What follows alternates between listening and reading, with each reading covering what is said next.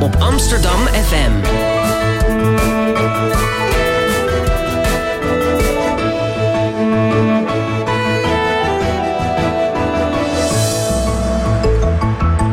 Radio Swammerdam.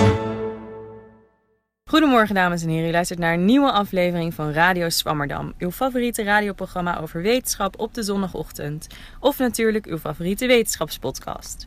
We zijn er vandaag weer met een nieuwe aflevering over de grens tussen kunst en wetenschap als onderdeel van ons dossier Grensgevallen. Vandaag uh, zitten we in de OBA en u hoort misschien op de achtergrond een fluitconcert. En dat is uh, speciaal voor vandaag om de sfeer een beetje te verhogen. We hopen dat u er niet veel uh, last van heeft.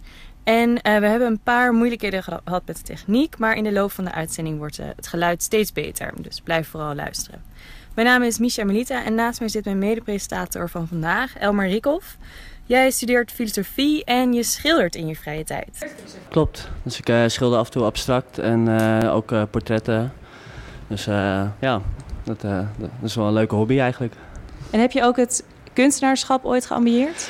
Uh, ja, ik heb wel eens gedacht van ik wil wel echt uh, gaan leven van mijn kunst. Maar ik merkte wel heel gauw dat uh, na een paar betaalde opdrachten dat ik mijn plezier verloor in, in het schilderen. Dus okay. voor mij is het echt iets wat ik doe voor mijn plezier. Wat interessant is juist dat je, dat je betaald kreeg ervoor dat het werk werd. Ja, dan, dan, dan moet ik ineens van, op, in, in opdracht moet ik iets maken. En voor mij is schilderen echt iets van ik heb nu inspiratie, ik heb nu zin om dit, dit te maken. En dan, dan doe ik dat. En uh, de, dat is de manier waarop ik het leuk vind. Ja, nou, dat is misschien wel iets wat uh, Hans Alling zal herkennen. Hij zit hier ook aan tafel, socioloog en kunstenaar.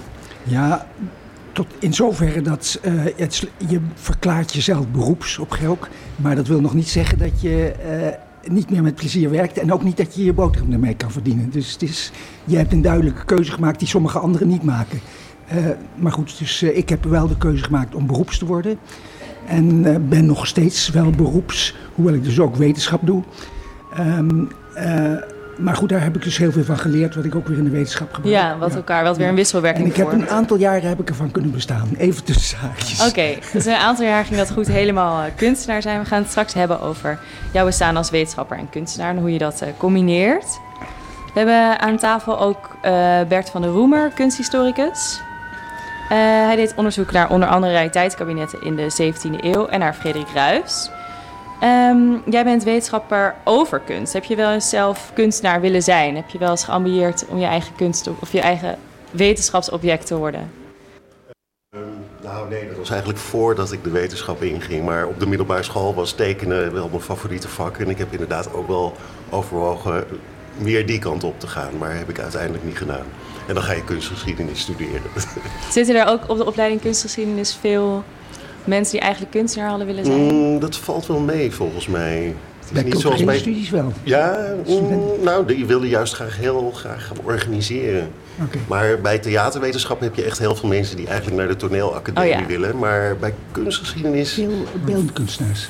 Dat was mijn ervaring okay. in Rotterdam. Oké, okay, ja. nou, valt wel mee volgens mij. Er zijn er altijd wel. Maar ook heel veel studenten die eigenlijk kiezen tussen psychologie en kunstgeschiedenis. Dus, oh ja, dat is eigenlijk heel... Ja. ja. dan wil je toch de wetenschap ja, wel in. Ja, ja, of meer hun interesse volgen, maar zelf niet creatief bezig willen zijn. Uh, nou, we hebben een volle tafel vandaag, want ook aangeschoven is ons vaste columnist Michiel Keestra.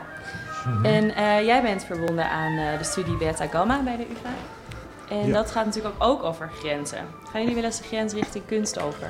Um, af en toe. En ik heb zelf um, een tijdje wel gedacht, ik mag graag als amateur zanger zeg mijn, uh, mijn, vrije tijd doorbrengen. Ik ben een aantal keren betaald kunnen optreden daarvoor. Maar dat, en heb ook wel een tijdje getwijfeld, zal ik uh, dat doen of, uh, of de filosofie.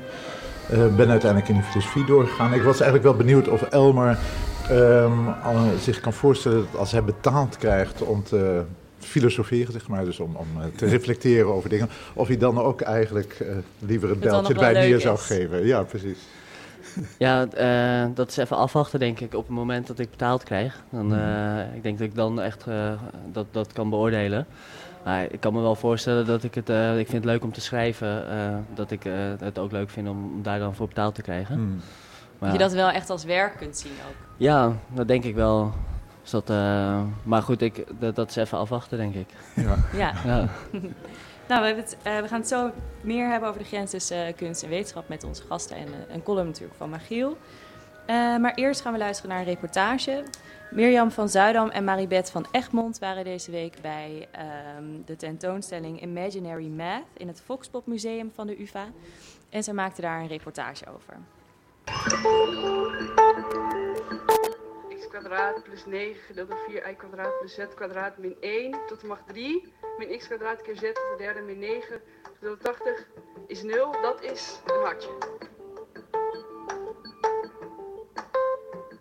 Kunnen we kunst maken met wiskundige vergelijkingen? Om die vraag te beantwoorden ging ik langs bij de tentoonstelling Imaginary Maths over wiskunde en kunst.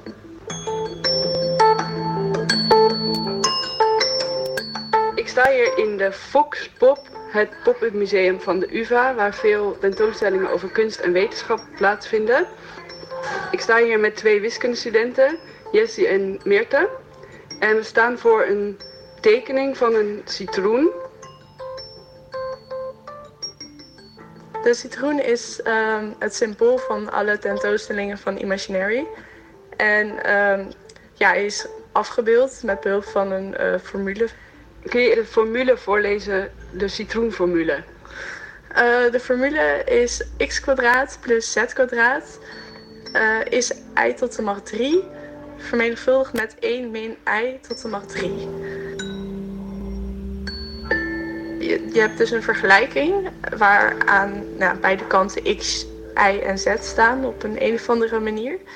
En wat we eigenlijk doen is, we vullen voor de x, y en z getallen in, zodat die gelijkheid geldt. En op die manier vind je allemaal punten en die zijn dan in de driedimensionale wereld weergegeven en die vormen deze figuren.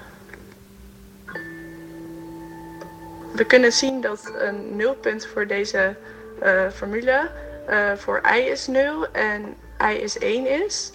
Uh, en dan zijn x en z allebei ook 0. dus dat zijn de twee punten waar alles samenkomt. En de rest is allemaal glad. Dus tussen die punten heb je een soort van gladde vorm. En dat vormt dan de citroen.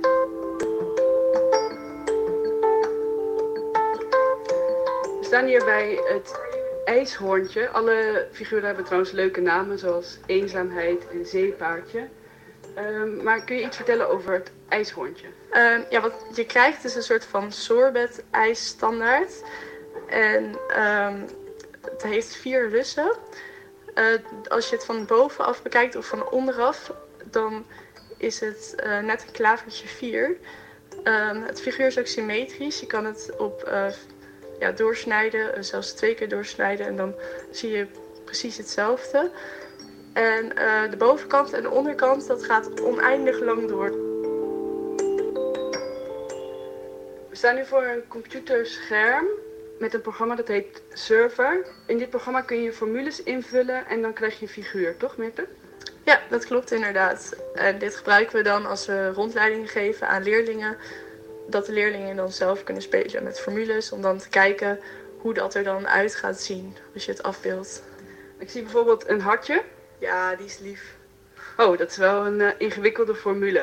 x kwadraat plus 9 gedeeld door 4 y kwadraat plus z kwadraat min 1 tot de macht 3 min x kwadraat keer z tot de derde min 9 gedeeld 80 is 0. Dat is een hartje. Ja, precies. Dus dat is het interessante van die figuren. zien er allemaal best wel makkelijk uit of zo. Dat, dat zijn gewoon heel voor de hand figuren. Maar dat zijn dus super intense formules waar de wiskunstenaars dus uh, echt niet zomaar opkomen. Dat is puzzelen en dat is hard nadenken. En, uh... Maar die wiskunstenaars die hebben niet zomaar een formule gepakt, maar ze hebben echt van tevoren over nagedacht wat ze wilden krijgen, toch? Uh, ja, ik denk dat als je bijvoorbeeld echt een specifiek object wil maken, zoals een hartje, dat je dan inderdaad echt op zoek gaat, echt gaat denken waar liggen die singuliere punten, waar is het oppervlakte glad, waar ligt een zadelpunt. Um, maar dat uh, er ook wiskundigen zijn die um, een hele mooie symmetrische formule hebben. En daar benieuwd naar zijn naar hoe dat er dan uitziet. En dan daarmee gaan experimenteren.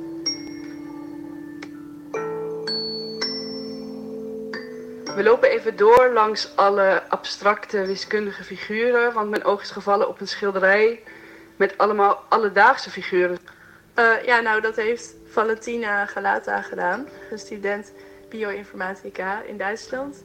En uh, in 2008, toen ze nog op de middelbare school zat, had ze al best wel veel objecten gemaakt met wiskundige formules. En dat heeft ze, ja, daar is ze nu echt gespecialiseerd in. we zien bijvoorbeeld een peer, we zien een kopje koffie, we zien een uh, landschap met een huisje en een maantje. Dus eigenlijk voorwerpen die je gewoon ziet op straat, uh, heeft zij wiskundige formules weten na te maken. Dus dat is natuurlijk wel een hele interessante filosofische vraag. Of ja, misschien kunnen we wel alles in wiskundige formules uitdrukken en dat zou uh, heel bijzonder zijn.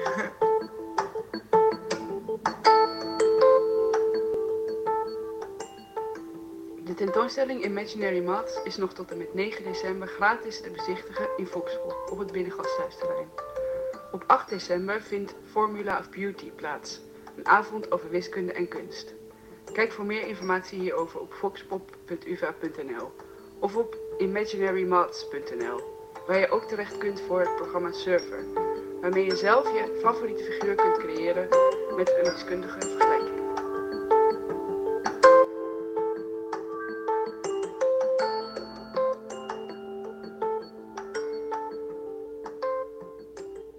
We het vandaag hebben over de grens tussen kunst en wetenschap. En we hoorden een mooie reportage van Mirjam van Zuidam en Maribeth van Egmond, die bij de tentoonstelling Imaginary Math waren. Verder aan tafel hebben we vandaag uh, Bert van der Roemer en Hans Abbing en mijn medepresentators Elmar Rikhoff. We luisteren straks naar een column van Michiel Keestra, maar we gaan het eerst hebben met uh, Bert van der Roemer over zijn onderzoek. Bert, jij bent uh, kunsthistoricus aan de UvA. En je bent gespecialiseerd in verzamelaars in de 17e eeuw. En dan gaat het met name om rariteitenkabinetten. Ja, 17e en 18e 17e en 18e eeuw. de grens eigenlijk. Ja. Ja, ja. En we hoorden net inderdaad in de reportage ging het ook over ordening eigenlijk, maar dan door middel van wiskundige formules. Is dat een beetje te vergelijken met hoe ze dat in de 17e en 18e eeuw deden? Uh, nou, dat is wel grappig, ja. Want uh, de verzamelaar waar ik op gepromoveerd ben, dat was ook een, uh, een soort dilettant architect. En die ordende zijn naturalia, zijn schelpen bijvoorbeeld, allemaal volgens ja, mathematische patronen. Dus eigenlijk een soort kaleidoscoopachtige uh, ordeningen. Dat je ieder laadje opentrok en dan zag je weer een heel mooi mathematisch patroon. En dat haalde hij dan uit de architectuur natuurlijk. Dat, uh, Die regels. Dus, ja, ja, ja, ja, Want hoe moeten we ons dat voorstellen? Hij had gewoon in zijn huis had hij kasten staan met lades vol ja. met schelpen. Ja, hij woonde op de Prinsengracht, uh, voormalig paleis van justitie. Dat was toen het Aalmoezeniersweeshuis. En ja, we weten het niet precies, maar hij was, had waarschijnlijk een kamer met in ieder geval vier, vijf kasten. En die kasten had hij geordend volgens de vier elementen. Dus de schelpen stonden voor water, mineralen voor aarde, insecten voor lucht. En kunst en, en munten stond voor vuur, want dat kwam uit de vuur van de mens voort. Oh, ja. En, ja. En zo probeerde hij eigenlijk een soort ja, representatief overzicht van de wereld uh, te creëren in echte objecten. Hè. Het wordt ook wel eens een encyclopedische collectie genoemd. Want hij probeert samen te vatten Ja. hoe de wereld in elkaar Ja, zit. ja, ja, ja. Door middel En- van objecten. Ja, eigenlijk wel. Een soort overzicht. En natuurlijk, het is waar hoor. Die, die mensen verzamelden nog helemaal niet alles, maar vooral speciale en bijzondere dingen.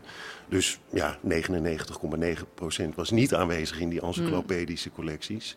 Maar ze probeerden wel een soort representatief beeld van de wereld en de natuur in huis te halen. Ja. En wie kwam er dan naar die rariteitenkabinetten toe? Was dat een soort museum in die tijd? Mm, nou ja, het was wel echt eh, in de privésfeer. Dus eh, er waren wel enkele verzamelaars die dan ook mm, kleine bijdragen vroegen. Maar dat was echt een uitzondering. Maar het was echt eh, ook iets wat heel veel aanzien gaf. Als je zo'n collectie had, dan kwamen echt hele belangrijke mensen over de vloer. Zoals vorsten. Hè. Peter de Grote is een bekende gast. Ehm, de koning van Pruisen kwam. Nou, en, maar ook geleerden. En, en, en gewoon hele ja, erudite mensen. Maar er waren ook verzamelingen waar gewoon de familie zondagmiddag even naartoe ging om te kijken. Ja. Om te kijken, Ja. Toen waren er nog geen musea zoals we dat nu kennen, Nee, als nee. instituten. Zijn dit de voorlopers daarvan? ja, dat zou je wel kunnen zeggen, daar is discussie over. Maar ehm, omdat het toch wel een heel ander principe is.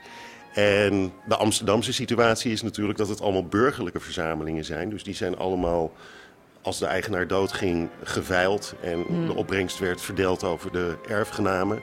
Eh, in het buitenland, hè, Duitsland of Italië, zie je wel, dan heb je vorstelijke collecties die daar een beetje op lijken. Of, of- En die zijn vaak wel, of liggen ten grondslag aan een museum, wat dan eerst in de 18e eeuw ontstaan is. Dan maken ze het een beetje openbaar. En in de 19e eeuw zie je dan dat het echt staats- of overheidsinstellingen worden. En je ziet wel stukjes van die, van die privécollecties dan terugkomen in de verzameling. Dus in die zin kun je wel zeggen van het zijn voorlopers, maar het is wel geheel anders qua opzet en Omdat het gedachten steeds en weer ontmanteld uitgangspunt. wordt eigenlijk als Ja. iemand is overlijdt. Ja, ja, wordt het weer ja. herverdeeld. Ja. Ja, en je hebt ook onderzoek gedaan naar Frederik Ruys. Ja, Hij was eh, medicus in de 17e, Ja. ook 18e eeuw, stukje nog. Ehm, en ook rond die verzamelaars is een discussie van waren het nou verzamelaars of waren het misschien ook kunstenaars? ja, ja. Hoe zit die discussie rond Frederik Ruys? Ja, nou ja, Frederik Ruys, eh, hij was een anatoom, hè, dus hij gaf ook twee keer, drie keer per jaar anatomische les eh, eh, in de wagen hier vlakbij. En ehm, hij woonde op de Bloemgracht en daar had hij dus vijf kamers vol met anatomische preparaten. Dus eerst gebalsemd en later echt op vocht. Dat had hij een nieuwe techniek ontdekt, samen met Jan Swammerdam overigens. Ehm, en eh, die preparaten bestaan nog, die zijn nog in Sint-Petersburg, een deel. En er zijn ook prenten van. En eh, daaruit blijkt dat hij echt mm, eh, hele mooie kunstwerken maakte van zijn anatomische preparaten. En die, maar die tekeningen maakte hij niet zelf, vooral die preparaten. Ehm, nou, hij kon ook wel een beetje tekenen. Volgens mij heeft hij in, in het begin eh, zelf getekend eh, voor zijn catalogie. Daar kwamen afbeeldingen bij. Dus dat heeft, maar later liet hij dat dan eh, doen door een echte tekenaar. Maar je moet wel bedenken, ook in deze tijd, dat iedere, nou ja, enigszins geletterde kon ook een beetje tekenen. hè. Dat was de enige manier van afbeelden. Dus dat hoorde ook een beetje bij je algemene vorming, dat je enigszins kon tekenen. Er waren natuurlijk nog geen foto's, dus als je iets moest uitleggen, moest je wel, of iets wilde laten zien, dan moest je wel tekenen. Ja, Dus, dus dat tekenen zat, was veel breder. Hè. Het was niet echt zo één groep is kunstenaar en die kan tekenen, maar iedereen kon een beetje tekenen. En eh, sommigen maakten daar dan een specialisme van. Ja, het was dan ook, als je dan dus je toch ging ontwikkelen, het waren natuurlijk weinig mensen, die werden dan ook wel onderwezen in het tekenen. Ja, Als je het zo kan stellen. Ja, ja, nou ja, het hoorde gewoon bij je algemene opvoeding dat je een beetje kon tekenen. Ja. Ja. Zoals je ook kon schrijven of, of praten of lezen, weet Ja. je wel. Dus eh, ja. Dus omdat je toch een soort, je werd breder opgeleid inderdaad dan wat we Ja. nu doen, of je bent kunstenaar of je bent wetenschapper. Ja, ja. En die preparaten, dat is, waren dan wat we nu kunnen zien als misschien zijn kunstwerken. ja, nou ja, daar is dus een discussie over. Hè, van dat was eh, tien jaar geleden eh, was de biografie van Luc Kooijmans. eh, en toen was een discussie van, eh, is hij nou, moet je hem nou zien als kunstenaar of wetenschapper? Maar eigenlijk is dat natuurlijk een hele anachronistische, ahistorische benadering. Want Frederik Ruys heeft zichzelf nooit afgevraagd van ben ik nou kunstenaar of wetenschapper. Hij was wel echt een gerenommeerd wetenschapper. Hij is ook lid geworden van de Royal Society in Londen. Ehm, maar ja, dat heb ik in dat artikel ook een beetje proberen duidelijk te maken. Voor hem en voor die mensen uit die tijd was de overgang van kunst en wetenschap heel vloeiend. Hè? Ehm, als je kijkt wanneer hij het woord kunst zelf gebruikt, of konst met een O dan, eh, dan heeft hij het vooral over zijn prepareertechniek. Dus hij maakte die preparaten. En voor hem was het dan een klein stapje verder om dat leuk op te sieren met kanten kraagjes Oh ja. en, en, en, en leuke dingetjes. En hij maakte mooie rotspartijtjes van stenen die hij uit het menselijk lichaam had gesneden. En dan landschapje met boompjes met opgespoten aderen. En dan foetussen, geraamtes van foetussen die dan op dat landschapje stonden. En, ja? Oh, ja, nee, ik wilde je niet onderbreken. Ik wilde eigenlijk vragen eh, nog hè, of het eh, begrip im- imagi- imaginatio, verbeelding, voor iemand als Ruis ook eh, eigenlijk in al die domeinen waarin hij actief was eh, ook speelde. Tenminste, wat ik weet uit de filosofie is dat dat een belangrijk begrip is wat eigenlijk die vloeiende overgang ook karakteriseert. Ja, maar dan heb je, ja, je hebt het echt over, over de verbeelding dan. Ja. Ehm, ik denk als je naar Ruis kijkt, dat het meer eh, ehm, komt uit een soort, meer een soort technische eh, handeling. Dus hij was heel erg bezig. hè, eh, Hij was heel erg bezig met dat prepareren. Ik bedoel, hij had 200. Als hij alle stukjes lichaam bij elkaar zou halen, dan had hij 200 lichamen, menselijke lichamen in huis in Oh, de wow. Bloemgracht. Dus dat is. 200 Maar, maar je moet je dus echt voorstellen, wij zien die preparaten, maar ieder preparaat was enorm bewerkelijk. Hè? Je moest eerst, nou ja, je had een stukje lichaam, een stukje darm, zeg maar iets. En dan moest je eerst al die vochten eruit eh, persen eigenlijk. Dan moest je het een beetje drogen opblazen. En dan ging je het injecteren met hele fijne naalden met gekleurde was. En, nou ja, dat, en dan ging je er nog wat moois van maken. Ja. Dus, dus ehm, ik denk meer dat echt die verbeelding... dat is misschien dan wel weer het onderscheid tussen de echte kunstenaar... die dan een mooi tafereel maakt. Maar dat deed dat hij natuurlijk wel met die rotspartij. Creativiteit, wat we dat nu zouden noemen. Maar dan voor Ruis was het meer een ambacht. Ja, ja. Maar ik denk ook, hè, het hele kunstbegrip in de 17e eeuw. Kijk, als wij nu kunstgeschiedenis gaan studeren, dan heb je het vooral over schilderkunst, beeldhouwkunst en architectuur. In die tijd was het kunstbegrip zat nog veel meer eh, bij het ouderwetse, zeg maar, techne, wat je in het Grieks noemt. Hè, dus techniek. En ars in het Latijn. Dus eigenlijk de- een vaardigheid die, eh, waarvoor je kennis nodig hebt. Dus dat zit Ja, heel dicht bij de we- wetenschap. Dus men had het ook over boekdrukkunst en, en geneeskunst. Hè? En dat was echt een kunst ook. Dus... Ja, want je kent nu eigenlijk geen preparaten kunstenaars meer. Nee, nee. Nee. Nou, ja, nou, nou, ja, eh. Hagen. Eh, de, de, eh, hier heb je Body Worlds. Dat, dat, dat eh, staat natuurlijk niet. En Damien Hirst heeft natuurlijk ook wat Ja, op ja, ja, ja. Dan kom je op de grens met vermaak, eh, entertainment. En ik vraag me af hoe dat in die tijd is, was die jij hebt bestudeerd. Ik ken ook de, zeg maar, de pleasure gardens, ehm, de eh, kermissen in Amerika, waar eh, kunst werd gepresenteerd samen met olifanten, samen met eh, vrouwen met drie borsten, wat ook Ja, iets ja. wetenschappelijks heeft. Speelde dat ook bij Ja. hen, het vermaaksaspect? En, en over welke periode heb je Nou, dan- waar jij over vertelde. Oké, oké. Eh, nou, het grappige bij Ruis is in ieder geval dat juist eh, het, het bizarre... en hè, hij had ook eh, misgeboortes, et cetera... eh, dat stopte die in kastjes ver weg. Juist niet om... Maar dat wilde hij juist niet laten zien. Nee, nee. Dus hij nee. hechtte al aan een onderscheid. Boven de wagen, een van de poorten van de wagen hangt nog steeds een, eh, een schildje Theatrum Anatomicum. Ja, ja, ja. Eh, de anatomische les was zeker ook een, een theatrale gebeurtenis. Ja, ja, maar of dat dan. Ja, maar ook hè, die, die, die verzamelingen. eh, bijvoorbeeld een andere verzamelaar, Levenus Vincent, die noemde zijn verzameling een wondertoneel der natuur. Maar het was inderdaad het tonen, dat, dat is het theatrale. Maar ik weet niet of dan meteen. Ja, er zat natuurlijk ook een vermaakaspect. En het moest ook mooi zijn. Hè? Ja. Het moest ook esthetisch verantwoord gepresenteerd worden. Dus daar zat zeker een vermaak. Eh, aspect bij, ja. Maar, dat sloot niet uit dat er ook een hele belangrijke eh, kennisgerichte, cognitieve Ja, behalve dat dan bij dat, als hij zo'n mooie preparaat maakte met zijn rotsformaties, zou hij daar dus geen, geen te vroeg geboren kind in verwerken, bijvoorbeeld. Dat het moest wel perfectie zijn. Eh, er stonden foetussen van vier tot acht maanden op dat. Dus dat eh, Maar geen misgeboorte, zoals je net zei, die stopte die weg in. eh, Oh, mis, nou ja, wel te vroeg geboren, maar wel normaal dan. Maar Oh ja. eh, hij had Maar ook een monstertje met acht vingers. En, Maar en jij dat, suggereert dat er een grens was tussen vermaak en wetenschap. Dus dat hij de foetussen enzovoort toch een beetje apart zette. Hij vond het belangrijk om een grens te trekken. Klopt dat? Denk het niet, hè? Nee, ik denk het niet. Want, want, want dan, eh, hij vond het. eh, ik denk dat hij vooral erop uit was om de, om, de goede, om de goede orde te laten zien van de natuur. En niet dat wat afweek. Oké. En, Ja. Maar goed, zo'n rotspartijtje, dat, dat liet hij wel zien. En dat zou je ook vermaak. Maar wat, wat ik eigenlijk wil zeggen, dat vermaak en dat, dat esthetische, en er zat ook een moraliserende eh, boodschap in. Dat ging heel goed samen met het, eh, wat wij nu noemen, serieus wetenschappelijke. En wat Dus was dat, eh, dat uit. moralistische wat je noemt? Wat, Nou, die rotspartijtjes, dat, die drukten de Vanitas-gedachte uit. Dus er waren allemaal foetussen en die hadden, nou eentje had een zeisje vast bijvoorbeeld. En daar stond dan noodlot, ach bitter noodlot.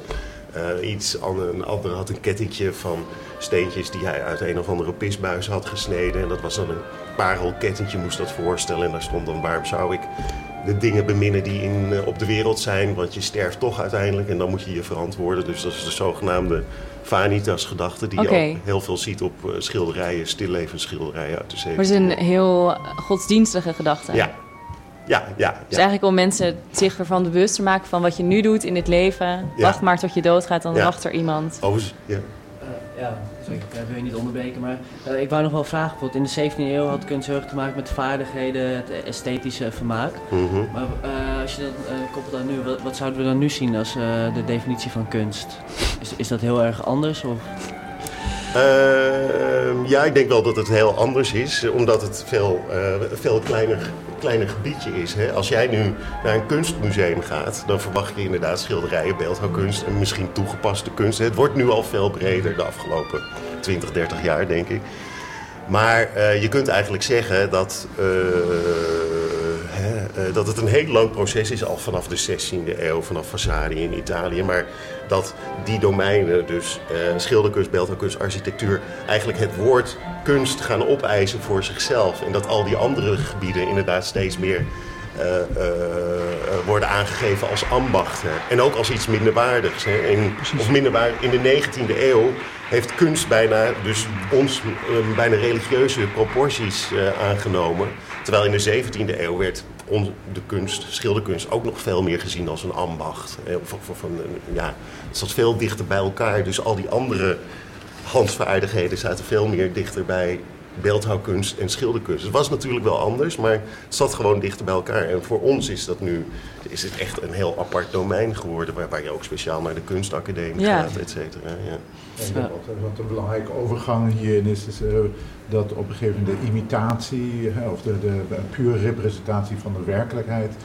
Um, uit de functie van de kunst wordt ja. gehaald. Hè? Dat de kunst een veel grotere vrijheid krijgt ten aanzien van ja. de werkelijkheid. Ja. Maar het lijkt me tegelijkertijd ook wel weer moeilijker dat je uh, minder goed kan bepalen van of iets echt mooi is, zoals met abstracte kunst. Mhm. kunst is het nou goede kunst of niet? Dat is heel erg subjectief. Ja. Ja, en hoe belangrijk is die esthetiek dan voor kunst? Want voor Ruis was esthetiek denk ik heel belangrijk.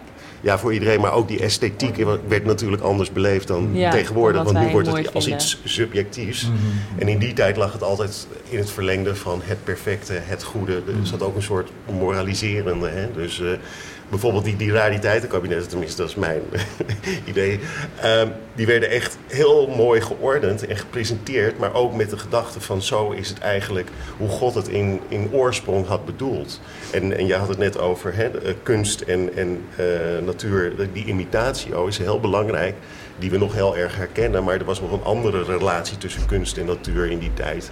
Namelijk dat je door kunst de natuur kon verbeteren. Hè? Dus, dus uh, het, het aanvullende van de kunst. En dat is een beetje, dat, dat kennen wij dus nu niet je vult meer. de schepping van God in, eigenlijk ja. aan met kunst. Ik bedoel, geneeskunst is eigenlijk, hè, je probeert het menselijk lichaam weer beter te maken. En dat is slecht geworden door de zondeval. Dat is een beetje, dus je probeert Oh, eigenlijk ja. de, de, de gevolgen van de zondeval op te heffen. Dus eigenlijk van de eigen menselijke zonde. Dus je bent niet God aan het verbeteren, maar de zondeval van de Nee, mens. kijk, ja, God had natuurlijk de, de schepping perfect geschapen. Maar er was wat misgegaan met de zondeval en de zondvloed en de, nou, de toren van Babel en zo. En dat lag natuurlijk aan de mens. En je probeerde via de kunsten die, die oorspronkelijke perfectie weer terug te, terug te krijgen of terug te halen. Dat is een gedachte. Hè? Dus Ja. Ik zeg niet dat al die verzamelaars daar constant mee bezig waren. Maar het geeft uiteindelijk wel een beetje zin aan eh, waar ze mee bezig waren. Ja, maar ik kan me vanuit die gedachte ook voorstellen dat Ruis daarom een, een misgeboorte met acht vingers liever niet Ja. presenteerde. Ja, ja, ja. ja. Dat, dat was dan, ja, dat was misschien voor hem een teken van de zonneval. Ehm, ja, misschien wel, ja. Ja, ik weet niet. Misschien vond hij het ook te schokkend. Voor, voor, eh, en je ziet wel juist die periode waar ik mee bezig ben... dat ze heel erg gericht zijn op die orde en regelmaat. Hmm. In de presentatie, maar ook in hun besef van, van de natuur. En eh, bijvoorbeeld Frederik Ruys zag ook het menselijk lichaam... en de anatomie van het menselijk lichaam... als een soort goddelijk weefsel, een goddelijk borduurwerk. Hè? En dat, dus, dus, en hij maakte dat zelf ook weer mooier door daar kanten kraagjes en weefsels aan toe te voegen. Dus volgens mij zat daar wel een soort visuele brug, zeg maar. van- Ja, en dus een dialoog. Je mocht daarmee met de goddelijke schepping ja, aan de haal gaan. ja, ja, ja. Maar je liet eigenlijk ook zien van, hè, nou dat weefsel is al heel mooi, heel moeilijk. En dan zie je het in de natuur. En dan laat je dus eigenlijk zien van hoe goed God dat allemaal in elkaar heeft gezet. En hoe ingewikkeld. En, en dat moest dan weer ja, ontzag voor de schepper bijbrengen. Ja, terwijl nu kunst denk ik vaak een beetje van God los is. Daar gaan we het straks eh, met Hans over hebben. Bert van der Roemer, heel erg bedankt eh, voor het gesprek. Heel verhelderend. Ehm, we gaan nu luisteren naar de column van Magiel Keestra. Grensverkeer tussen wetenschap en kunst, daar kunnen we eigenlijk niet genoeg van hebben. En ligt het ook niet voor de hand dat mensen die bezig zijn in deze domeinen veel met elkaar uit te wisselen hebben over hun interesses, ideeën en idealen, hun creativiteit en frustraties enzovoort. Dit alles delen ze immers met elkaar. Toch is dit grensverkeer veel spaarzamer dan je zou denken en vooral ook veel eenzijdiger. Wat mij namelijk opvalt in de vele ontmoetingen die ik heb in mijn werkende bestaan, zelf als filosoof samenwerkend in een interdisciplinaire omgeving met collega's uit de economie, filmstudies, wiskunde, cognitiewetenschap, milieuwetenschappen enzovoorts, en in mijn privébestaan als amateur klassieke zanger bevriend met componisten en muzici, beeldende en schrijvende kunstenaars, is dat de betrokkenheid in interesse bij het domein van de anderen niet symmetrisch is.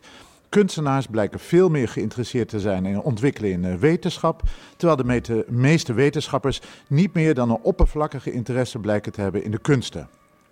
Kunstenaars van allerlei disciplines blijken op zijn minst de wetenschapsbijlagen van kranten en televisieprogramma's over documentaires over wetenschappelijke ontwikkelingen met interesse tot zich te nemen. Of het nu over de debatten over de Big Bang gaat, over hersenonderzoek naar bewustzijn of over nieuwe interpretaties van oude handschriften. Vaak levert dat een vervolg op, waarbij men zich verder informeert over het onderwerp en ook nadenkt over mogelijke betekenissen van die nieuwe kennis of inzichten. Die interesse wordt deels opgeroepen door zo'n onderwerp zelf, maar deels ook uit interesse in hoe wetenschappers putten uit hun kennis, creativiteit en reflectie. In vergelijking daarmee steekt de interesse van wetenschappers in kunst over het algemeen nogal bleekjes af. Niet alleen vormt kunst zelden een onderwerp van gesprek tussen wetenschappers, is mijn ervaring. Maar als dat al gebeurt, dan ontstijgt het zelden het niveau van een vrij simpele uitwisseling van wat men onlangs gehoord heeft. Of een vrij beknopt verslag van een expositie of festival dat bezocht is. Nu is er een makkelijke verklaring te geven voor die asymmetrische belangstelling. Gegeven de modus operandi van de wetenschap, waarbij een, theoretisch kader is vooropgesteld en het meeste onderzoek vooral bestaat uit wat Larry Lorden noemt problem solving binnen dat voorgegeven kader, is er niet heel veel ruimte voor creativiteit, noch voor allerhande invloeden. Laat staan dat ontwikkelingen in zulke andere domeinen als de muziek, beeldende kunst, theater of literatuur een directe invloed kunnen hebben op het wetenschappelijk onderzoek. Dat sluit ook enigszins aan bij de vergelijking die psycholoog en creativiteitsonderzoeker Keith Simonton gemaakt heeft tussen verschillende wetenschapsgebieden ten aanzien van de ruimte voor vernieuwing en creativiteit daarin. In een vergelijking tussen de exacte sociale en geesteswetenschappen heeft hij gekeken naar zowel inhoudelijke analyses van die gebieden als ook naar cijfers cijfers met betrekking tot de leeftijd van invloedrijke vernieuwers, de snelheid waarmee een vernieuwing in een bepaald wetenschapsgebied overgenomen wordt door collega's en de hoeveelheid vernieuwingen die plaatsvinden in die gebieden. Simpel gezegd schetst hij een spectrum met aan de ene kant de natuurwetenschappen, die gekenmerkt worden door een breed gedragen en uitgebreid theoretisch kader, zoals bijvoorbeeld een kader van de kwantummechanica of de evolutietheorie, dat weinig ruimte biedt voor vernieuwing en creativiteit. Daartegenover staan de sociale wetenschappen, die vele rivaliserende theorieën naast elkaar kennen, zoals marxisme, structuralisme, actor-netwerktheorie, psychoanalyse, postkoloniale theorieën enzovoort. De geesteswetenschappen kennen zelfs nog minder conceptuele en theoretische coherentie. Door deze ondergedetermineerdheid of openheid van die laatste domeinen is het voor individuele wetenschappers misschien relatief eenvoudig om aan de geestes- of sociale wetenschappen een creatieve bijdrage te leveren. Maar het is daar veel minder makkelijk om met zo'n creatieve bijdrage ook daadwerkelijke invloed te krijgen om geciteerd te worden, om andere wetenschappers te overtuigen om zo'n nieuw kader of nieuwe methode te omhelzen. Heel anders zit dat weer bij de natuurwetenschappen. Er is minder ruimte voor creatieve vernieuwing, maar als er dan ook iemand in staat is om te laten zien dat een alternatieve theorie of methode van belang is, dan krijgt dat veel sneller een bredere erkenning en navolging. Als je vervolgens beseft dat zelfs de geesteswetenschappen sterker ingekaderd zijn door theorieën, methodes en conventies dan de kunsten, dan is dat asymmetrische grensverkeer tussen wetenschappen en kunsten wel begrijpelijk, zou je denken. Immers, wetenschappers worden opgeleid om te functioneren binnen die kaders en hebben vervolgens minder ruimte voor creativiteit. Vandaar dat zij minder interesse hebben in de kunstenaar dan dat kunstenaars interesse hebben in de wetenschappen. Nog afgezien van het feit dat er zelfs binnen de beperkingen van die kaders ook in de wetenschap steeds ruimte blijkt te zijn voor theoretische vernieuwing en creativiteit, gaat met deze verklaring echter veel te kort door de bocht. Immers, er zijn nog veel meer kanten aan de wetenschappelijke praktijk en aan de maatschappelijke rol van wetenschap, waarbij creativiteit een rol kan en zelfs moet spelen en waarvoor het dus van betekenis is dat wetenschappers zich laten inspireren en verrassen door de kunst. Denk bijvoorbeeld aan de creativiteit die nodig is om nieuwe experimenten te ontwikkelen voor de toetsing van bestaande theorieën of om nieuwe toepassingen van bestaande kennis te bedenken. Zo'n nieuwe toepassing impliceert ook dat de wetenschap het lab of de studeerkamer verlaat en de samenleving binnenkomt. En daarvoor is het van belang dat een wetenschapper vooruitdenkt en nadenkt over de mogelijke implicaties van haar werk of mogelijke reacties erop. Voor het onderwijs van nieuwe generaties studenten is het ook van belang dat je als onderzoeker probeert om aan te sluiten bij de leefwereld van studenten en dus wederom creatieve verbanden legt. En omgekeerd is het zinvol om als wetenschapper je te oriënteren in de samenleving en af te vragen wat de relevante vragen en behoeften zijn. En vervolgens na te gaan of je daar als wetenschapper iets mee kunt. Daarvoor is niet zo effectief en inspirerend als de blootstelling aan onverwachte gebeurtenissen, de evocatie van nieuwe beelden en het oproepen van ongekende ervaringen. Kortom, niet zo effectief en inspirerend als het verdiepen in kunst. Als het mij lag, zou ik dan ook vandaag nog de scheiding tussen het wetenschappelijk onderwijs en het kunstonderwijs omverwerpen en dus de universiteiten onder één dak brengen met conservatoria, kunstacademies en theaterscholen. Verder zou elke student naast een kaart voor de universiteitsbibliotheek een museumkaart krijgen en zou ik voor professionals in beide velden een bonus zetten op samenwerkingsverbanden. Kortom, meer grensverkeer, dat hebben we nodig. Nou, Giel, dankjewel manifest voor het opheffen van de grens tussen kunst en wetenschap. Heel uh, toepasselijk voor vandaag natuurlijk. Ik zag Hans al meeschrijven, knikken, schudden. Heb je een reactie? Ja, ik heb wel een reactie. Um, ik denk dat je gelijk hebt dat de creativiteit van de wetenschapper niet heel erg hoeft af te wijken van die van de kunstenaar. Um, dus in theorie hadden kunstenaars ook wetenschappers kunnen worden en omgekeerd. Maar die scheiding vind ik wel heel belangrijk. Uh, dat moet niet door elkaar gaan lopen. Um, en dat gebeurt op ook te veel. Dus ik zou zeggen, laten we vooral die barrière houden. ik vind, um, in sommige perioden zal het goed zijn geweest dat dat door elkaar liep. Het liep ook gewoon door elkaar. Maar wat er nu gebeurt is een intellectualisering van de kunst. En daar ben ik heel erg tegen, om maar zo maar te zeggen. Kun je uitleggen wat dat betekent, ja, dus die intellectualisering? Um, nou, dat zit hem vooral in het discours, in het erover hmm. kunnen praten, in het kunnen articuleren wat je aan het doen bent. En articuleren is natuurlijk een typische wetenschappelijke bezigheid. Je moet precies zijn in je woorden. Het doet er niet toe of die woorden groot of klein geschreven zijn, met dikke of dunne letters. Nee, ze moeten een taal zijn die exact is. En dat is nou juist wat. Uh, dat kan bij de kunst, uh, maar dat zit dan vooral in het gesprek om de kunst heen. Dus allemaal verbale activiteit. En als je daar die lijn doortrekt, dan ga je steeds meer mensen uitsluiten. Consumenten, maar vooral ook producenten. Je moet mensen hebben die tenminste middelbare school, hoge, ja, HAVO is het tegenwoordig, als toegangseis voor kunstacademies, voor muziek. Ja, dat slaat natuurlijk nergens op. En je hmm. sluit zoveel mensen uit die daar goed aan hadden kunnen functioneren dat ik daar ja, eigenlijk bijna boos over word, die hele intellectualisering. Maar dat betekent eigenlijk dat je die asymmetrie die ik uh, constateer uh, op twee manieren wat zou willen bestrijden. Enerzijds zeg je, zouden kunstenaars minder uh, met, met conceptuele en wetenschappelijke kaders bezig moeten zijn, maar dan zouden misschien wetenschappers juist nog steeds meer met die kunst moeten. Nou, ik, geen van beide. Um, ik denk wel, dat was een mooi voorbeeld in het begin, die formules, dat je die uh, bijvoorbeeld met uh, software kunt omzetten in mooie verbeeldingen. Maar dan komt de kunst erin. Dan zijn die cijfers niet meer alleen. Kijk, die cijfers die mogen dik of dun neergezet zijn, doet er niet toe. Het blijft een formule. Terwijl die kunstenaar, die gaat dat expres dik maken, dun, die maakt er een visueel nieuw product van. Dus je kunt wel met elkaar werken, maar hou ja, hou vooral je publiek in de gaten. Uh, dat is misschien mijn voornaamste ding. Hmm. Waar, voor wie doe je het? Um, wetenschap doe je, ja, het is een half fabrikaat. Het is iets waar anderen mee verder gaan. Het is niet voor consumenten. Je hebt natuurlijk populaire wetenschap. Misschien dat dat ook een beetje in de richting van de kunst gaat. Dat moet je leuk vormgeven om het ook leuk te maken. Maar voor de rest, ja, je werkt niet voor consumenten. Kunst is voor mensen voor, voor jou en voor mij en voor hoogopgeleide mensen en laagopgeleide mensen, voor zwarte mensen en witte mensen. En nu wordt het steeds meer alleen voor hoogopgeleide, alleen voor witte mensen. ja, dat vind ik, heeft niks met kunst te maken, die ver- vernauwing. En eh, het is ook heel onrechtvaardig. Ja. Was het dan anders? Het wordt steeds meer, maar vergelijk je het Ja, dan? ik, ik vergelijk het toch wel met 30 jaar geleden. Oké. Ehm, tuurlijk, je hebt gelijk. Kunst is altijd ook een, een bijna vrije tijdsbesteding geweest van mensen die zich konden veroorloven. Ik wijs nou naar jou. Ja, Elmer hier aan tafel, filosoof en schilder. ja, en ik weet niet of jij eh, voedsel rondrijdt op je fiets, dan eh, kan ik me nog wel voorstellen. Maar als je ook nog een leuk betaalde andere baan hebt.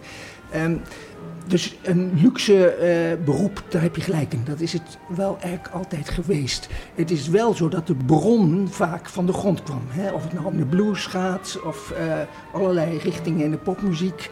Ehm, de jazz die gedeeltelijk is geannexeerd. Maar goed, er is een monopolisering. Die, daar heb je gelijk in. Dat is misschien wel van heel, al heel lang zo. Maar toch, ehm, nou zeker in de 60 jaren was er sprake van democratisering. Ja, ja. Ook in de kunst. En dat is nu weer helemaal teruggenomen. En die verbalisering of intellectualisering, die vind ik toch wel een beetje nieuw. Het feit dat eh, vroeger geloofde men wel in zomaar componeren, in zomaar een expressief schil- schilderij maken, zonder daar, dat daar al te veel over gepraat hoefde te worden. En dat is nu bijna verboden. Maar is dat, eh, geldt dat niet eigenlijk voor, eh, voor een relatief klein deel van de, van de kunst, zeg maar de high art, hè, of highbrow art? Ja, Terwijl er aan de andere kant natuurlijk een enorme hoeveelheid lowbrow popmuziek, Ja, popmuziek eh, bijvoorbeeld. videokunst en zo. Hier, de Lichtfestival wordt weer over Amsterdam uitgestort. eh, Klopt. Het, het zijn twee wegen op het ogenblik. De ene is zich aan het verengen in de intellectualisering. Die hoopt ook een beetje opportunistisch bij de wetenschap aan te sluiten, want daar is geld. En, dus als je allemaal onder diezelfde koepel kan, dan, dan doen we dat. Maar dan zou die veel minder aanmatigend moeten worden. Ze hebben nu nog het gevoel dat ze innoverend zijn, dat ze alles eh, bij de grens staan. Nee, ze zijn waarschijnlijk eerder conserverend, nadenkend, in, ja, weer in hokjes plaatsen. Prima, er is niks mis mee. Maar dan ga je je afvragen, moeten daar zoveel eh, publieke middelen naartoe? Hè? Eh, is dat nodig dat we dat zozeer subsidiëren, zo'n klein gebied? Eh, misschien zou je dan eerder moeten gaan kijken op de kwaliteit van wat je dan misschien genotskunst of entertainmentkunst gaat noemen. En die vooral ook veel meer opengooien. Want natuurlijk is Mozart ook prachtig voor heel veel mensen die niet naar de concertzaal gaan, omdat de sfeer daar niet prettig is. Hè, zo, zo zou je daar veel meer over moeten nadenken. Ik weet niet of popmuziek veel, of nou laten we zeggen dansmuziek, hè, dance music, of die veel fondsen nodig heeft. Toch wel. Ehm, waar gaan die jongens nou heen? Ze gaan naar Red Bull, want die biedt ze goed onderwijs aan. En niet naar de conservatoria, daar is het niet. Dus daar moeten we toch over nadenken. Moeten, moeten we ze naar de commercie drijven, omdat we het zelf achterwege laten? Of moeten we daar ook fondsen voor maken? Moeten we die conservatoria even een harde tik geven van... voor wie doe je het eigenlijk? Dus eh, ja. Ja, ja, nou, ik Ja, zit een beetje. hebben, eh, de, de, ehm, die gedachte heeft ehm, ook een soort parallel in de wetenschap, hè, waarbij eh, van oudsher eh, fundamentele wetenschappen aan de universiteiten werd toegedacht. en de toegepaste wetenschap, daar hebben we bedrijven voor en zo, die zitten dichter bij de, eh, bij de commercie. En als universiteiten en wetenschappelijke fondsen niet een voedingsbodem voor fundamentele wetenschap eh, bieden, ja, dan, dan eh, houdt dat op. Ehm, Ja. En ik denk in de, in de kunst zie je eh, momenteel, voor zover ik het wel wat meer als oppervlakkige eh volger zie, een soortgelijke discussie. Waarbij ook weer de vraag is: is die scheiding tussen fundamentele en toegepaste eh, wetenschappen en kunst, zeg maar, is dat eigenlijk nog wel van deze tijd? ja. En daar hoor ik jou eigenlijk ook naar vragen. Ja, het is fundamenteel onderzoek. Ik geloof wel dat dat een mooie wisselwerking had met toegepaste Mhm, mhm. wetenschap. En misschien wel iets meer in richting van fundamenteel naar toegepast. Wij als economen zouden dat externe effecten noemen. Ik denk wel dat ehm, in de kunst dat sterk overdreven wordt. Die beweging van wat je dan misschien fundamentele zou kunnen, Mhm. kunst zou kunnen noemen, of hoge kunst naar lage kunst. Ik zie veel meer die omgekeerde eh, beweging, waarbij dus ook afgepakt wordt. Hè, dus een deel van de jazz is afgepakt. En, dus het heeft veel meer met sociale groepen te maken dan in de wetenschap.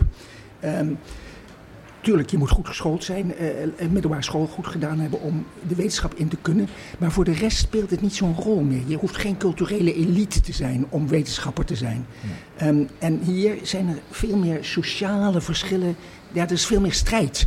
zou je kunnen zeggen. En dan gaat het ook wel degelijk om de verdeling van de middelen. En de ene groep probeert zijn middelen vast te houden, eh, gedeeltelijk ten koste van de andere. Ten, ja, en dan biedt de commercie oplossingen. Maar ja, is dat nou waar we zo gelukkig mee moeten zijn? Nee, absoluut niet. Nee, en bovendien uh, vallen er dan natuurlijk hele stukken, ook van de kunst uh, en ook van de wetenschap, gewoon buiten de boot. Want ja.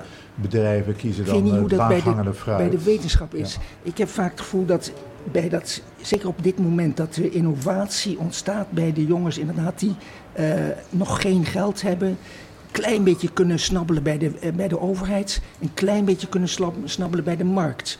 Maar vaak genoeg biedt die markt ze dan toch meer perspectief, waardoor ze ook meer drive hebben om door te gaan. Zoals je dat in de popmuziek veel ziet. Hè? De alternatieve, ja, soms blijven ze hun leven lang alternatief, maar vaak gaan ze door en gaan ze ook wat geld verdienen. Terwijl dat pad langs de, ja, de overheid, waar het dan eigenlijk op neerkomt, kunstwereld, overheid, is veel moeilijker en ook veel meer sociaal afgebakend. Mm. Dus wat dat betreft is er wel een probleem. Want Hans, jij bent socioloog en uh, kunstenaar. Dat sociologische gedeelte hebben we eigenlijk nu al kunnen horen. ja, ja, ja. en ik hoorde ook in de column van Magiel uh, dat die, die dialoog tussen kunst en wetenschap... dat kunstenaars wel enthousiast zijn over wetenschap en daar nieuwsgierig naar zijn... maar wetenschappers minder kijken naar de ontwikkeling in de kunst. Hoe kijk jij daar tegenaan? Ik, misschien eh, heb je daar wel gelijk in wetenschappers vinden het wel erg leuk om amateurkunstenaar te zijn. En er zijn ook hele uh, beroemde wetenschappers die ook wel op een professioneel niveau uh, kunst bedrijven. Uh, maar ik denk dat die ook juist wel die scheiding in de, in de gaten zullen houden. Ze zullen wel in jouw zin bewust zijn dat er heel veel overeenkomsten zijn. Maar ze, vinden, ze zien zich, als ze, voor zover ze zich kunstenaar zien, heeft dat niets met hun wetenschap zijn te maken. Dus verder zijn er wel veel wetenschappers die um, ontwikkeling in de kunst analyseren. Ik geloof niet dat het daar aan ontbreekt. Het is ook wel een attractief onderwerp. Je kunt daar een beetje mee scoren, lijkt me. Uh, is dat zo ver? Ja, ja, ja, ja, kunstgeschiedenis. Ja, ik wil net zeggen, in die omgeving is, ligt het voor de hand. Ja, ja, ik kom dus uh, relatief weinig uh, tegen. Dus bij, bij geesteswetenschappers met wie ik samenwerk natuurlijk meer. Maar bij uh, sociale en natuurwetenschappers uh, echt uh, nou, bedroevend Bourdieu en zijn hele kring eromheen, die waren natuurlijk allemaal... Ja, ja, nee, maar als ik gewoon kijk naar mijn... Hè, dus ik, ik werk met heel veel mensen samen, hier aan de UvA en ook ja, elders. En daar is dat heel weinig... Een nou, ik werk dan bij culturele sociologie en daar ja, komt kunst toch wel voortdurend om doen. Daar is het belangrijk, ja. Maar hoe combineer je zelf die twee... Want je, je pleit voor een scheiding, maar je bent het wel allebei. Dus ik neem aan wat ik zeg is, de creativiteit hoeft niet zoveel te schelen. Wij hadden het in het voorgesprek over dat ik zowel in de kunst als in de wetenschap een beetje een buitenstaander ben. En dat zit hem in mijn soort creativiteit, die ook in de kunst niet heel erg gewaardeerd wordt en in de wetenschap ook niet. Um, Wat is dat voor soort creativiteit? Ja, een beetje van het brede gebaar, expressief, uh, niet te veel bekommeren om details. Hè. Uh, ja, dat is niet wat nou de wetenschap is heel erg op kleine gebiedjes georiënteerd geraakt. Er is Abraham de Zwaan-achtig type onderzoek. Dat is op toch niet not, not done. Wat is Abraham de Zwaan type onderzoek? Ja, met een brede blik, grote samenhangen, zonder heel veel empirisch onderzoek. Uh, dat is, ligt niet heel goed op de hoek. Of dan kom je al gauw in de populaire wetenschap, wat natuurlijk ook op neergekeken wordt. En in de kunst heb je, ja, inderdaad, waar ik het over had, die intellectualisering, die komt mijn soort kunst niet ten goede. Uh, die is daar niet gebaat bij. Die wil, ja, het kunstwerk moet uit zichzelf spreken. Daar moet je vooral niet over, te veel over lullen. Het is prima als anderen daar andere dingen in zien dan jijzelf. Dus dat hoeft ook niet gestuurd te worden door een discours. Waar kunstenaars tegenwoordig toch wel erg in getraind worden op die, op die opleiding. Dat ze de, de bedoeling duidelijk kunnen maken. En ook in, dat, in die zin het publiek kunnen sturen. Nou, dat is absoluut niet waar ik in geïnteresseerd ben. Kunst, ik wil graag dat het kunstwerk voor zichzelf spreekt.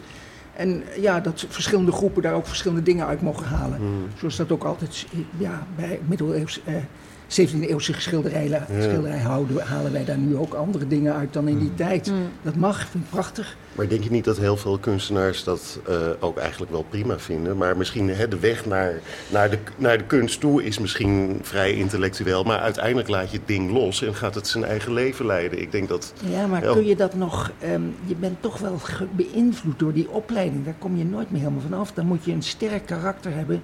Misschien wel à la... Um, hoe heet die nou? Die man van die eh, Hurst, Mhm. hè, om daar lak aan te hebben. En dan Mhm. is het toch ook nog weer een tegenreactie. Dus wordt die nog steeds bepaald door diezelfde intellectualistische Mhm. kunstwereld. Ik, ik denk dat er een hele generatie kunstenaars, niet wel beeldend kunstenaars, Mhm. maar ook wel die contemporaine klassieke muziek is natuurlijk ook helemaal ja, in een zijpad geraakt.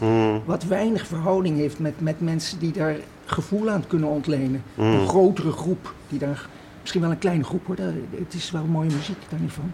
Maar, eh, Ja, ik denk in de, in de beeldende kunsten heb je natuurlijk ook de, de rol van de curatoren, van de Ja. musea, Ja. die dat intellectuele discours wel enorm Ja. hebben. ja. Nou ja, ik, ik, bij de museologie, als je, als je, ik vind juist dat eh, als je kijkt naar musea, vind ik dat het, zeker hier in Nederland, dat het af en toe wel, eh, dat ze heel snel op de knieën gaan om, om maar de taal van het grote publiek. Want ze moeten Ja. natuurlijk Oh veel... ja? Ja, ja, zijn Ja, dus Juist ik vind juist het tegenovergestelde. Dat ik denk van Ja. nou, eh, ik grap wel eens met mijn eh, collega van we gaan eens een museum maken van met elitaire kunst waar niemand wat van snapt. Weet je wel, omdat het allemaal van die blockbusters zijn. En Nou, het zijn vind- twee bewegingen. Ja, ja. hè. De- de- Er is een beweging naar die intellectualisering, naar de wetenschap toe. En er is een beweging naar een groter publiek toe. Ja. En ik moet zeggen dat ik me persoonlijk veel prettiger voel bij die grote beweging. Dus anders dan Ja, jij. Ja. dat zijn we, daar verschillen we dan niet. Nou, ik vo- voel me daar niet onprettig bij, maar ik vind wel, eh, je moet het allebei doen. En ik vind wel vind ik ook. dat als je kijkt naar musea, dat, eh, de- hè, jij zei net ook, je moet aansluiten bij, eh, of hoe zei jij dat, maar bij, bij, bij je publiek of bij je... Ja, je kan ook denken van nee, je moet je, of ook met onderwijs, je, kun, je kunt ook denken, ja nee, ik moet die studenten overhalen om kennis te nemen van iets anders. En dat is natuurlijk heel handig om te beginnen bij iets wat, wat ze al kennen, maar soms denk ik wel van, eh, Nou, ik denk dat een enorm belangrijke rol eh, hier voor het onderwijs is. En wat Ja. we natuurlijk vooral gezien hebben, is het, eh, de afgelopen decennia de afkalving van het kunstonderwijs. Zowel op, de, op de scholen Ja. als de muziekscholen in de Ja. buurt en dergelijke. Dus die, die eh, ik zal maar zeggen, de brug tussen de blockbusters van het makkelijk consumerende kunst en eh, de moeilijke kunst. Maar die dan, brug is weggeslagen. je hebt gelijk, die, dat, dat kunstonderwijs is heel belangrijk. op middelbare scholen, lagere school. Maar heb dan niet dat elitaire uitgangspunt dat al die kinderen nog in klassieke muziek geïnteresseerd zijn. Dan moet je ook Nee, met. ja. Nee, maar zo gaat het Ja. wel. Ik was nooit. Eh, eergisteren was ik, nee, woensdag was ik bij een eh, bijeenkomst van de W.R.D. Beckman Stichting. Dat zijn sociaaldemocraten, daar verwacht je iets heel anders van. En het gaat allemaal over oudbollige, elitaire kunst. een volksverheffing. Ja, ja. paternalistisch. hè? Ja, ja, en dan eh, zei ik iets over eh, eh, nou, dat, dat de migranten vergeten worden, dat lage opgeleiden vergeten worden, dat die misschien wel eens andere zijn, maar ook dat hoger opgeleide jongeren andere interesses hebben. En dan wordt er volledig overheen gelopen. Toch nog weer, ja, we hadden ook een popliedje ingestudeerd. Of eh, er zijn zoveel amateurs. Terwijl bij, eh, ja, bij elektronische dansmuziek gaat het echt om kunst op hoog niveau. Ja, ja, en het ja. wordt volledig buiten de deur Ja, gehouden. Dat ben ik absoluut met je eens. Eh, Bij mij, op het, toen ik als gymnasiast muziekles had, leerden we op de ukulele allerlei gewoon eh, blues zingen. Dus Toch dat was wel. helemaal geen, Ja. Ja. geen highbrow. Nee, ik ben het helemaal met je eens dat je moet leren als, als scholier. Eh, niet alleen praktiseren, maar ook reflecteren en, en eh, nadenken over zowel eh, popmuziek als eventueel dan toch ook een mopje Mozart eh, tussendoor. Ja, nee, zeker. Ja. Maar je zou toch denken dat die intellectualisering, dat, dat Hans, dat jij als kunstenaar daar goed bij aansluit, als kunstenaar en wetenschapper. Ja, dat gevoel heb ik dus niet. Ehm, nou, ik kan wel goed nadenken en analyseren hoor.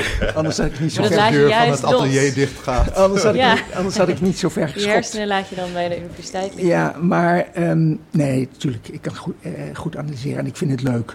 En eh, ook in de kunst heb ik technische dingen uitgezocht met fotografie, die een ander misschien niet had gedaan, omdat ik geïnteresseerd ben in, ja, of in ieder geval heel systematisch kan nadenken. Ehm, maar eh, die, ja, dus die richting waarbij het allemaal zo goed onder woorden gebracht moet, worden, moet kunnen worden, daar eh, hou ik als kunstenaar niet van. Als wetenschapper schapper vind ik dat wel belangrijk, dat kan niet anders. Maar dat je het dan ook weer zo precies moet doen dat je eigenlijk bij hele kleine onderzoekgebiedjes uitkomt, ja, dat voel ik me weer niet gelukkig bij. Nee, want jouw onderzoeksgebied is ook de kunst. Dus als Ja. wetenschapper hou je je ook bezig met kunst. Ja, Dus je bent je eigen onderzoeksobject. Ja, dat scheelt enorm. Dat scheelt enorm, ja. nou nee, maar ik geloof daar ook in. Ook voor de wetenschap in het algemeen. Um, je moet wel contact hebben met het veld wat je onderzoekt. Je moet er ook een verwantschap mee hebben. Je hoeft niet per, per se er actief in te zijn als beroeps. Dat ben ik dan wel. En dat heeft een groot voordeel, want ik ken heel veel andere kunstenaars. Dus ik weet wat er speelt. En ja, dat geeft mij wel een, een, uh, een voordeel vergeleken met andere wetenschappers die met kunstwezen bezig zijn. Dat blijkt ook wel telkens als, uh, uit, uit soort artikelen dat we schrijven, soort boeken wat ze schrijven en het publiek wat we daarmee kunnen bereiken. Um, dus ik, eh, ja, het is mijn onderwerp. Maar het is niet dat je, jouw objectiviteit of je wetenschap daardoor in gevaar komt, omdat je zelf nou, daar onderdeel bent. Ja, ik, ik heb dat eigenlijk nog nooit gehoord. Nee, dan was ik daar wel op aangevallen. Ja, nog nooit ja. zo'n kritiek gehad. Ik, zei, als ik ben nu een boek aan het schrijven en ik kan me voorstellen dat mensen zouden zeggen: hé, hey, misschien is de gefrustreerde kunstenaar die daar.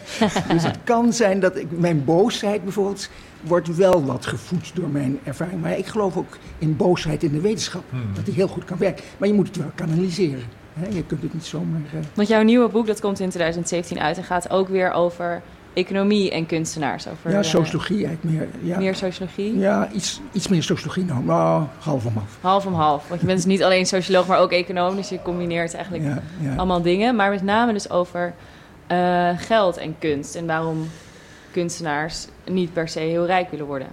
Ja, dat, dat, dat houdt mij altijd bezig van die bereidheid om voor weinig geld te werken. En tegenwoordig kun je daarbij aansluiten bij zo'n precarisering in andere gebieden van de samenleving. In de wetenschap. In de wetenschap. Dus ik vind het ook heel goed dat kunstenaars dat doen. Mhm. Hè, dat ze niet zichzelf meer voortdurend apart zetten. En wij hebben zo, zijn zo zielig en we moeten geld hebben. Nee, ze trekken nu samen op met anderen. Dat vind ik een hele goede ontwikkeling. Maar uh, ter, voor de verklaring moet je wel gedeeltelijk op andere manieren. Het is niet alleen maar kapitalisme en commercie, waardoor kunstenaars bereid zijn om nog voor minder geld uh, te werken of geen geld dan de jongens die uh, eten rondbrengen en hoog opgeleid zijn, hè, met uh, eten op, achter op de fiets. die hebben nog wel een limiet. Terwijl mm kunstenaars daaronder gaan. Ja, dan heb je toch nog wel andere verklaringen nodig. Hoe verklaar je dat? Kun je dat heel kort uitleggen? Ja, hoe verklaar ik dat? Um, dat, dat zit toch in dat voetstuk van die kunst. Uh, maar ook in het gevoel dat je daarin authentiek kunt zijn, echt mens. Uh, en dat is nu ook, dat hoort ook wel weer bij onze tijd, of dat is al in de 60 jaren ontstaan, dat we dat heel belangrijk zijn gaan vinden. Maar ja, kunstenaars hebben hun monopolie wat dat betreft verloren. Veel meer mensen kunnen authentiek zijn. Dus er zitten enorme spanningen op dit moment. En ik hoop dat kunstenaars wat, ja, toch wat beroepsgerichter worden. Wat weer, ik ben een beroeps en ik wil uh, er wat mee kunnen verdienen. En als dat na tien jaar nog niet lukt, dan stop ik ermee. Of dan word ik amateur, waar niks mis mee is. En dat doen popmuzici ook. Ja, nou, mooi laatste woord. We zijn uh, aan het einde gekomen van deze aflevering van Radio Zwammerdam. Heel erg bedankt uh, allemaal. Magiel Keestra, bedankt voor je column en uh, je inmenging in de discussie. Heel erg interessant. En natuurlijk Bert van Roemer, uh, kunsthistoricus, over zijn onderzoek naar Frederik Ruys en de rariteitenkabinet in de 17e en 18e eeuw. En Hans Albing, kunstenaar, socioloog. En zijn boek komt uit in 2017. 2018, denk ik. 2018, oké, ja. dat schrijven we nog even door. Elmer Rikhoff zat ook aan tafel, filosoof en kunstenaar, kunnen we wel zeggen. Uh, mijn naam is Misha Melita en ik hoop dat u nog een hele fijne zondag hebt. Uh, eerdere afleveringen in het dossier grensgevallen kunt u terugluisteren via onze website www.radioswammerdam.nl. Ik hoop dat u volgende week weer luistert. Abonneert u vooral op de podcast en volg ons via Twitter en Facebook. Een hele fijne zondag en tot de volgende keer.